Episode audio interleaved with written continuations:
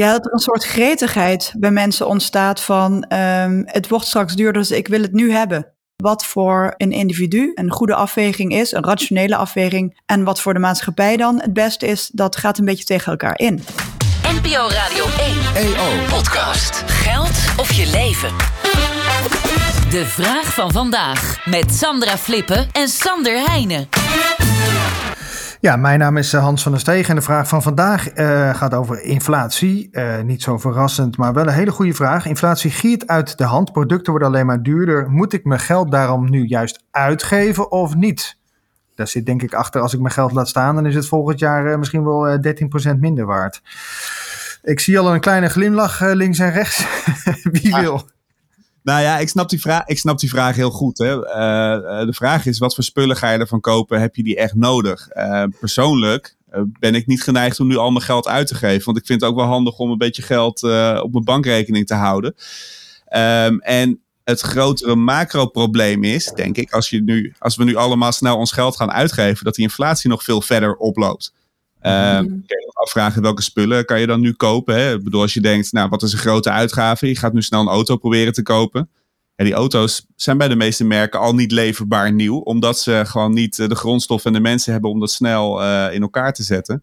Dus ik denk eigenlijk dat het beter zou zijn als de meeste mensen hun geld niet zouden uitgeven. En persoonlijk ja, als ik kijk naar al die onzekerheden die voor ons liggen, heb ik liever over een jaar het geld dat ik nu op mijn bankrekening heb, uh, dat dat 13% minder waard is, dan dat het allemaal weg is en ik hier met een huis vol spullen zit die ik eigenlijk niet per se van plan was om te kopen. ja. Hoe is dat voor jou, Sandra? Jij kan nog wel, uh, je huis is nog niet vol met spullen, zie ik. Nee, zelfs steeds leger. Ik ga binnenkort verhuizen. Oh. Um, dat is ook trouwens een, eh, een, een, ja, eigen huis leegmaken is ook nog niet zo makkelijk. Dus jij bent je geld wel aan het uitgeven als je gaat verhuizen? Da, ja, daar ben, je, daar ben je geld wel aan het uitgeven. Ja, dat gaat vrij uh, schrikbarend hard, uh, moet ik zeggen. maar, um, maar kijk, het leuke van deze vraag is denk ik dat uh, wat voor um, een individu een, um, zeg maar een, een goede afweging is, een rationele afweging, puur geldtechnisch. En wat voor de maatschappij dan het beste is, dat gaat een beetje tegen elkaar in. Oh. En dat maakt deze vraag interessant, denk ik. Want als jij als individu denkt van hé, hey, ik wil deze uh, fiets kopen. Um, uh, ik, ik denk dat de inflatie, dat, dat de prijzen alleen maar verder gaan stijgen. Dus ik kan het beter nu doen dan straks. Terwijl je het eigenlijk misschien nu nog niet van plan was. Um, ja, dan, dan snap ik die afweging. Tegelijkertijd, als iedereen dat zou doen, dan creëer je daarmee de prijsstijging waar je bang voor bent. Uh, dus want uh, als iedereen zeg maar zijn plannen zeg maar eerder gaat uitvoeren, dan um, creëer je dus meer vraag naar fietsen dan dat er nu worden aangeboden. Dan gaan de prijzen alleen maar verder stijgen.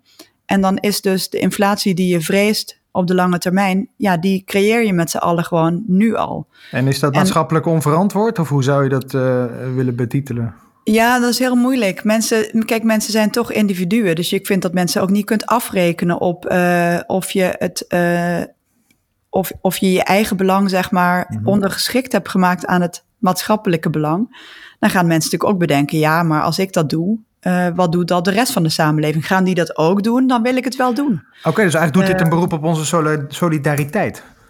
Ja, dus ik denk dat het. Ik, kijk, dat is eigenlijk een hele mooie. Want dat is de reden waarom we dus bijvoorbeeld een centrale bank hebben. Hè? Die helpt ons om uh, eigenlijk die beslissing makkelijker te maken voor ons allemaal. Dus door de rente hoger te maken.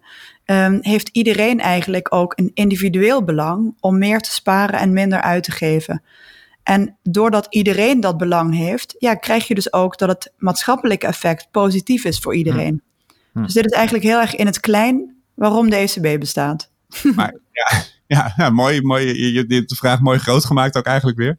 uh, maar, maar het hangt er ook een beetje vanaf waar je het aan uitgeeft natuurlijk. Hè. Als je een keer extra uit eten gaat, dat is echt wel een ander soort uitgave. Dan dat je enorme... Uh, weet ik veel, als je denkt, oh de inflatie is hoog, ik ga maar snel nieuwe bankstellen kopen terwijl je nog goede bankstellen hebt staan, dan ben je geld ook kwijt in feite. En dan zit je met extra bankstellen die je misschien helemaal niet per se nodig had. Dus het, het, is, het, het maakt in mijn ogen ook echt uit waar je het aan uitgeeft. Um, hè, dus, dus, dus een vakantie is echt iets anders dan dat je uh, gewoon maar spullen koopt die je niet per se nodig hebt. Dus in die zin.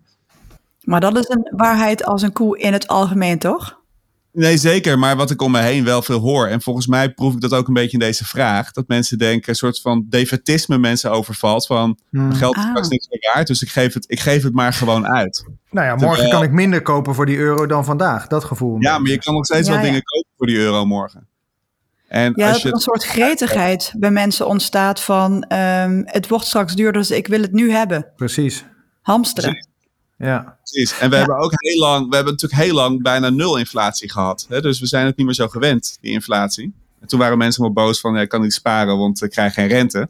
Hè? Terwijl je volgens mij kan je ook zonder rente kan je best sparen. Zeker als de inflatie nul is. En nu ja, hopen we dat we straks weer wat rente krijgen, eh, zodat we gaan sparen, terwijl we ook weer inflatie hebben. Dus uiteindelijk denk ik dat het per saldo eh, ook individueel niet zo heel veel uitmaakt. Hè? Tenzij je echt naar zo'n hyperinflatie gaat. ja. Maar uiteindelijk is het, denk ik, altijd verstandig om gewoon geld achter de hand te hebben voor, voor noodgevallen. En, en, en dat mis ik, dat proef ik heel erg om me heen. Dat mensen dat ja, op de een of andere manier, ik denk dat het in het handelen, maar dat kan jij eh, waarschijnlijk beter zien, Sandra, dat het in het handelen nog wel meevalt. Maar in hoe er gesproken wordt, eh, dat heel veel mensen echt denken dat, dat, dat sparen zinloos geworden is. En dat is het natuurlijk niet. Nou, maar er wordt volop gespaard hoor. We zien in, de, in onze analyses dat er echt wel eh, gespaard wordt. Er wordt nog gespaard, gelukkig maar. En als ik jullie zo begrijp, is jullie het allebei eens met, met het verhaal van ehm, nu iets kopen omdat je bang bent dat je morgen minder voor die euro kan kopen. Dat is geen goed uitgangspunt. Ik zou het niet doen. Nee, angst is natuurlijk sowieso geen goede raad, raadgever. Oh, mooi. We hebben weer een tegeltje. Eh, dank jullie. Dank. Ehm, eh, heb je ook een vraag aan Sander of Sandra van allebei? Mail die dan naar podcastradio1.eo.nl. Dit was hem weer voor vandaag. Morgen weer een nieuwe.